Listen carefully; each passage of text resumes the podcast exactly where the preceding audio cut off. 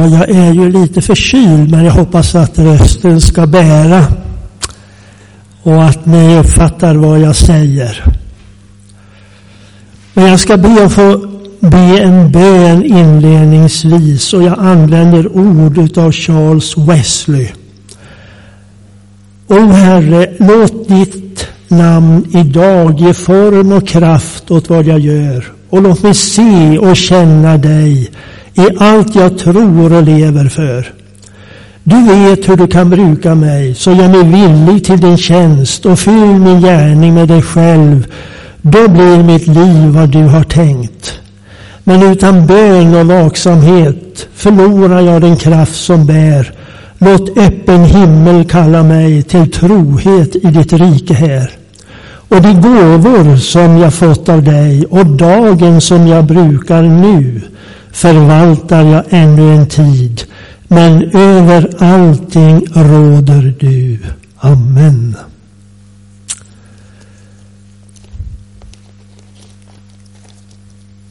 Jag ska läsa ett textsammanhang från Matteus evangeliets 14 kapitel. Underrubriken är Jesus går på vattnet. En mycket känd bibeltext. Och det är början på den 22 versen. Sedan befallde han, alltså Jesus, sina lärjungar att eh, stiga i båten och fara i förväg till andra sidan sjön medan han skickade hem folket. Och så snart han hade gjort det gick han upp på berget för att vara för sig själv och be. Och det var han ensam när det blev kväll. Båten var då redan långt från land och kämpade mot vågorna eftersom det var motvind. Och strax före gryningen kom han till dem gående på sjön. Och när, när lärjungarna fick se honom gå på sjön blev de förskräckta och trodde att det var en vålnad. Och de skrek av rädsla. Men genast talade Jesus till dem och sa Lugn, det är jag, var inte rädda. Petrus svarade Herre, om det är du så säg åt mig att komma till dig på vattnet.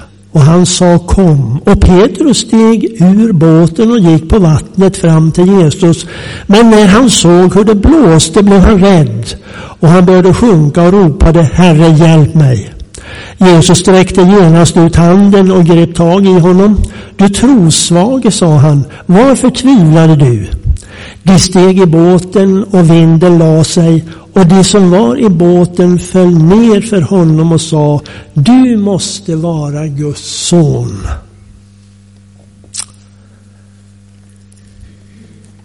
Det är en fantastisk text det här.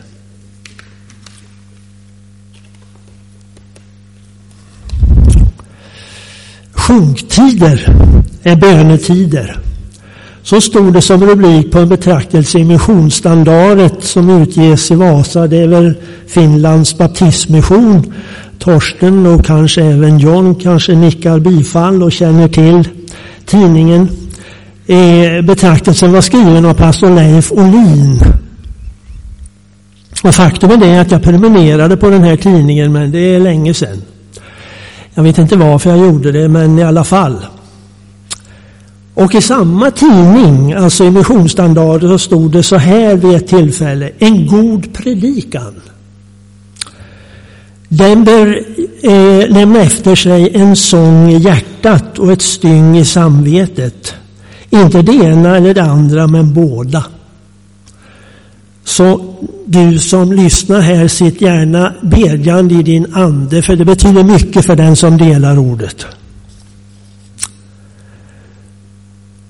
Ja, det ser eh, mörkt ut i vår värld. Ja, slår vi upp en dagstidning så är det ju kanske inte alla gånger som det är goda nyheter, även om det finns sådana.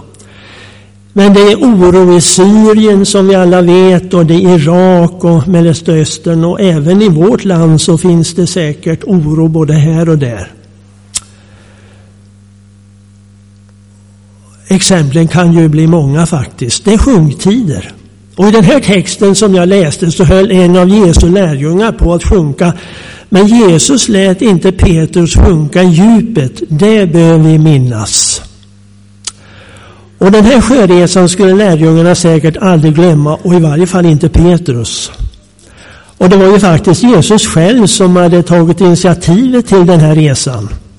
Och vad hade de varit med om innan? Jo, det var ju faktiskt en mirakulös gudsuppenbarelse, nämligen att Jesus hade mättat 5000 män, förutom kvinnor och barn. Och då kunde det alltså rört sig om ja, 10 000 eller 15 000 människor. Och att antalet män nämndes är inte så egendomligt. Det var ju brukligt i den judiska kulturen på Jesu tid att män och kvinnor åt var för sig. Men säkert fanns det många frågor hos lärjungarna den här natten. Var är Jesus? Frågar han inte efter oss när vi kämpar här ute i de vindpiskande vågorna. Men mitt i natten så kom han gående på vattnet och för vana båt och fiskemänniskor så var det ju en totalt ny verklighet. Man trodde att Jesus var en vålnad. Tills den välbekanta stämman ljöd lugn. Det jag var inte rädda. Och han vandrade på brusande vågor det element som han själv skapat får lyda och tjäna honom. Och på många andra områden följde han lagar som vi inte känner. Och om han inte varit Guds son, frälsaren, så skulle han inte ha kunnat ge lärjungarna hjälp. När han kom till dem då faran var som störst. I den mest kritiska situationen. Och Hässjöbördig Allan Törnberg han skallade på sin tid Du kom över mörka vatten en gång då mitt hopp var slut. Din härlighet upplyste natten om blott för en kort minut. Då såg jag som aldrig tillförne, o Jesus, din purpurglans. Men kronan du bar var av törne, din blodiga segerkrans. Och du som lyssnar den här septembersöndagen är inte utlämnad åt de rasande elementen. Varför det? Jo, Jesus finns vid din sida och med sitt vakande öga ska han se till att din levnadsfarkost når hamnen med dess vila och lugn. Sjunktider har alltid varit bönetider. Och hur var det Petrus bad? Herre, hjälp mig. Han ropade och bad. Och det kan bli sjunktider även för en kristen. Hur var det med Nikodemus? Ja, han visade öppna sympatier för Jesus, men då försökte fariséerna göra en elak antydan att Nikodemus var en Galilé. Det var sjungtider för Nikodemus. Och den historien har upprepat sig många gånger. Hur var det för Jenny Lind på sin tid? Hon var nästan en avguda publik, publikgunstling tills hon började bekänna Kristus i sin sång. Då utsattes hon i vår huvudstadspress för öppet hån. August Strindberg, vår kanske främste författare, åtnjöt goda villkor hos ett av landets främsta förlag så länge han skrev i upprorsstämning mot Kristus. Men sedan han blivit omvänd så fick han söka sig en annan förläggare. Det var sjunktider för den som bekände Jesus. Och när August Strindbergs levnadsdag närmade sitt slut då tog han Bibeln och la på sitt bröst och utropade Detta är det enda rätta. Vilket vittnesbörd. Och hur var det för William Carey? Han mötte tvivel och uppgivenhet när han föreslog att missionärer skulle sändas ut för, ett, för att evangelisera världen. Och äldre kristna, de sa till honom att ge upp sina orimliga idéer. Men Kerr uttryckte istället sina drömmar och planer genom att skriva vad då? Jo, vänta stora ting från Gud och våga stora ting för Gud. Det, dessa ord blev en trosbekännelse för den moderna missionsrörelsen när män och kvinnor följde Kerrs exempel och reste ut med evangeliets frälsande budskap om Kristus till världens ändar. Det var något av sjunktider för Carey, men det blev segertider. Och hur var det för George Weber som grundade Operation Mission? Ja, han skriver så här i en av sina böcker. Med säkerhet vet jag att jag aldrig skulle kommit någon vart i min andliga utveckling om jag inte var beredd att ta risker för Gud. Min tro är inte så stor och själv är inte så stark har jag sagt till Gud. Och jag vet inte så mycket och är rädd dessutom. Men på ditt ord vill jag gå. Du som lyssnar, du kan få sjunga segersång det behöver inte vara sjunktider för dig på något område. Apropå orden utav George Verver så finns det en fras i det som jag citerade som jag brukar använda när jag går och, och eh, ut med min bokväska. Eh, han sa så här att eh, på ditt ord vill jag gå och det där brukar jag stava på när jag går ut med min bokväska. Varför det? Jo, men jag vill gärna påminna mig själv om att jag har ett uppdrag. Och så samtidigt så tror jag det ger mig lite större frimodighet också. Jag är människa, det är inte så lätt att komma till en kanske helt främmande by. Då brukar jag åka runt så här lite grann i byn först och känna mig för. Det var en pastor i Norrbotten, Georg Johansson i Pell, han brukade säga att känn dig för, sa han, när jag kom till något nytt ställe. Och det var en väldigt bra regel faktiskt. Nåväl, det har ju blivit en del möten med människor under åren och eh, jag ska väl inte ta upp tiden här. Jag skulle kunna hålla nästan lite föredrag med rubriken Människor jag mött, men då går hela predikotiden så det ska jag inte göra. Men några glimtar kan jag väl få ge. Eh, det var i Tornedalen. Det var en man, han var intresserad av kassetter. Den epoken är ju förbi. Även om man med stor behållning fortfarande kan lyssna på kassetter. Jag gör det ibland om dagarna. Jag är lite gammalmodig och konservativ men det får jag väl ta. Nåväl, jag skulle besöka den här mannen. Jag hade fått tag i någon ny kassett. Och så kom jag dit och på verandan så träffade jag sonen och sonhustrun. och då säger sonhustrun, gå in sa hon och ge honom en riktig predikan för det har ingen dött av, sa hon. Eh, hon tyckte väl att svärfar skulle eh, behöva det. Men eh, vad jag svarade på det, det kommer jag inte ihåg för det här är flera år sedan. Men jag brukar ju inte göra så när jag går på hembesök att jag håller en eldig predikan. Snarare att jag kan föra samtal i andliga frågor. Men att jag predikar så häftigt som hon kanske åsyftade. Det, det gör jag nog inte. Det är inte min läggning. Men nåväl. Eh, Tv-gudstjänster är bra. Det håller ni säkert med om. Och den här kvinnan, det var ett sommarhus, eh, som, eller en sommarvilla som jag mötte henne i. Och hon tyckte ju att det här med tv-gudstjänster, det var väldigt bra. Det räckte långt.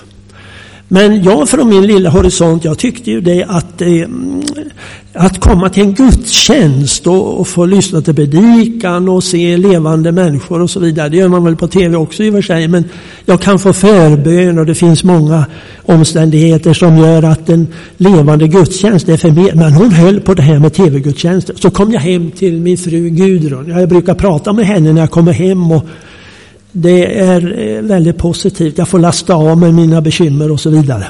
Och vet ni vad Gudrun svarar?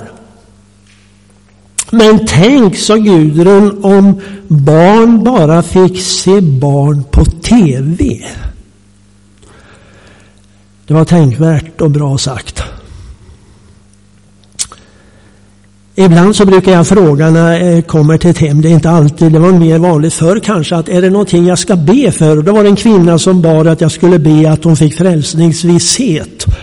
Och det är stort att få vara med vid sådana tillfällen. Och så slutligen en liten glimt till. Hur står det till, kan jag fråga när jag kommer till ett hem. Det är väl inte alltid jag gör, men det gjorde jag vid det här tillfället uppe i Jämtland. Och det var en man som svarade att, är du läkare? Läkarna brukar fråga sådär när man kommer att hur står det till? Det har jag själv mött många gånger. Och det var för övrigt en läkare jag hade i Vimmerby och han sa att förbön sa han, det är en bra grej sa han. Han uttryckte sig så. Jag vet inte om han var troende. Men nåväl, det var en liten parentes. Vad jag svarade den här mannen, det kommer jag inte ihåg. Och ibland är det ju så här att man efteråt så tänker man, ja men det borde jag ha sagt i den här situationen, vad dumt. Och, och det kanske, jag kanske skulle ha svarat så här. Jo, eh, nej, jag är inte någon läkare, men jag känner en läkare. Och han är till och med överläkare. Och vet du vad mer? Han älskar dig. Och gensvarar du till hans kärlek så är den så stark att den kan förändra ditt liv. Det hade ju varit ett väldigt bra svar. Men kanske att man får be om vishet i alla situationer. Det kanske inte hade varit så vis att säga det just till den mannen just i den situationen. Ja, nog med glimtar från kolportörssidan, men hur kommer det att gå för kristenheten i vårt land? Är det inte sjunktider på sina håll? Men lyssna till vad Kjell-Axel Johansson, han var tidigare pastor i Elinförsamlingen i Stockholm, sa vid ett tillfälle. Jag har trott att 99 procent av människorna i Sverige inte vill ha med Gud att göra. Så fel jag hade, sa han. Om vi i vår församling möter den ena efter den andra som blir kristen och som säger att det här har jag längtat efter sedan jag var 15 år. Så måste det finnas hundratusentals andra sådana människor i Sverige. Gud älskar människor och han planerar en stor skörd även i Sverige. Och hur var det Nils Frykman skrev? Se upp, se upp, nu vitnar marken och skördetimmen inne är. Gå ut, bjud syndare till arken, kan hända floden snart är här. Upp alla som en man att sova nu, det går ej an. Det var en vänlig människa som satte ett glas vatten här. En bägare med friskt vatten.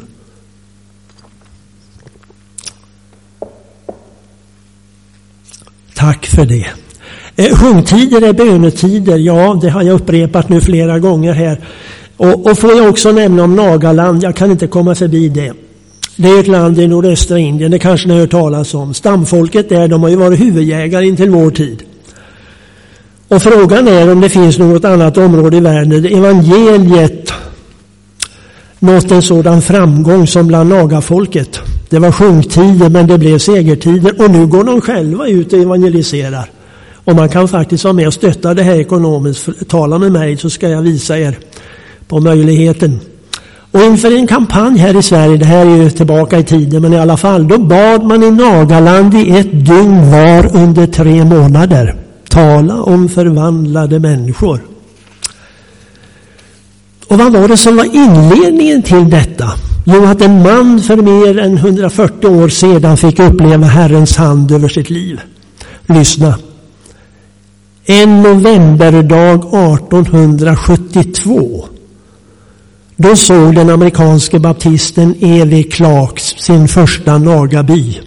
Han knäböjde och bad innan han skulle vandra ner till byn. Och plötsligt hörde han ett väldigt oväsen. Byborna hade upptäckt honom. Bygatan tömdes på människor. Och några krigare kom springande mot honom med pilar och bågar i händerna. Och när nagakrigarna fick se honom så sköt de och siktade men inte en pil nådde fram. Mycket märkligt. Vad var det som hade hänt? Ja, missionären märkte inget särskilt.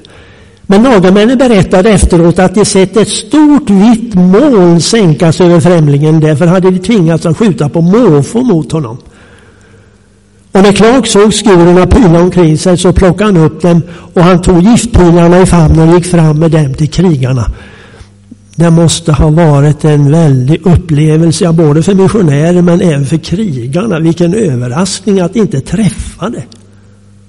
Ja, jag vet ju inte vad missionären Clark bad. Men det visar ändå att Jesus äger makt att bevara sina tjänare och evangeliet det var hans stora ärende och det är även vårt stora ärende.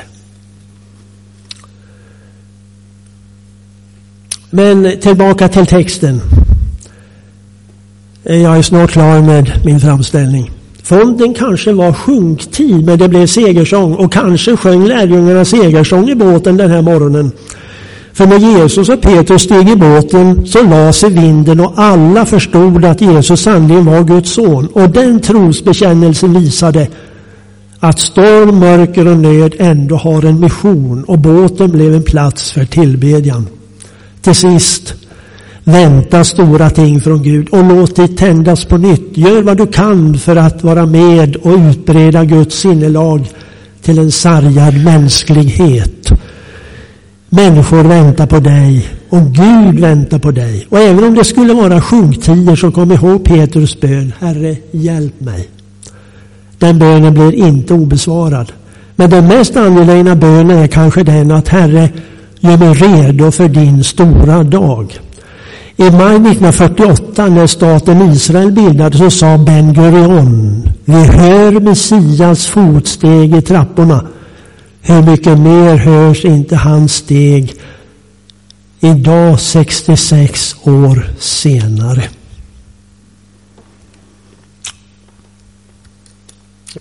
Och till slut så ber jag en bön. Jesus, giv oss nöd och glöd och ta hand om oss allesammans. Tack för att du är den store läkaren och psykologen och du vill möta med oss. Och vi ber om segertider för dig och ditt rike. Segertid i våra egna liv men även för våra medmänniskor. Ta hand om oss i fortsättningen. Tack för att du hör bön i Jesu namn. Amen.